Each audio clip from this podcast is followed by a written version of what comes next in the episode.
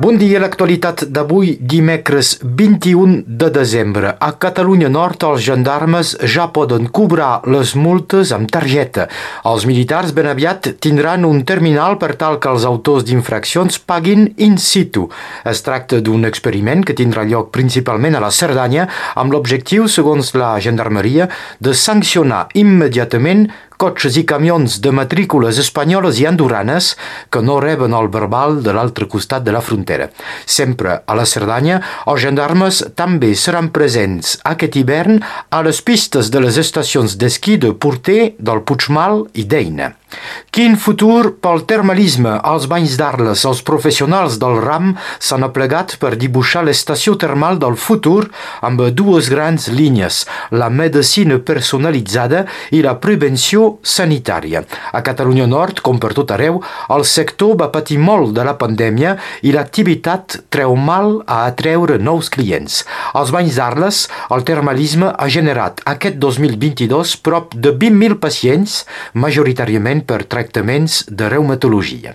Un repic per si pugeu a la Cerdanya o al Capcí durant les festes, la llei muntanya s'aplica. Des del novembre passat, les cadenes o els pneumàtics de contacte són obligatoris que nevi o no. La setmana passada, els gendarmes van efectuar controls a Fondromeu. Recordem que la multa és de 135 euros.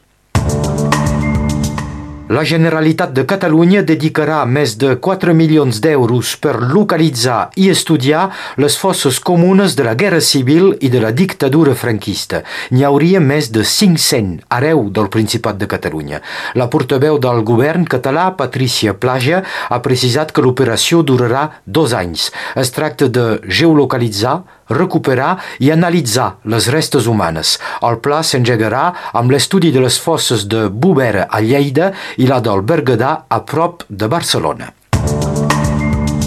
Va ser una presentadora famosa de la televisió grega, eurodiputada, i és avui el personatge principal del Qatar Gate.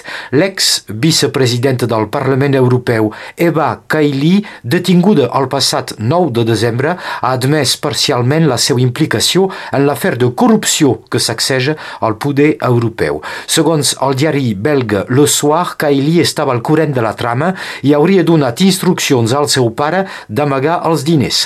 A poc a poc, la trama del Qatargate es fa més clara, Eva Kaili ha de declarar davant del jutge instructor del cas demà dijous transversal, aquest és el tema del dia, el 10 sobre 10, amb un espectacle per la mainada intitulat Àrbol Flamenco. Hi haurà taller de dansa obert a tothom, cant coral amb els sevillans Corro Los Canarios i un concert de música oriental amb el grup Iriwan. El DJ del dia serà l'incontornable Marcus Cugullú.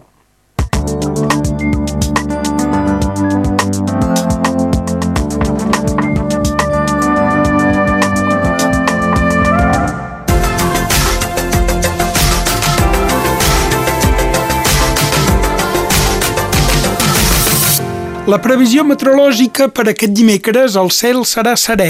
El sol tot just serà velat de tant en tant pel pas de núvols, sobretot sobre els relleus. El vent bufarà de diverses direccions segons els sectors, però mai ha de passar dels 20 km per hora.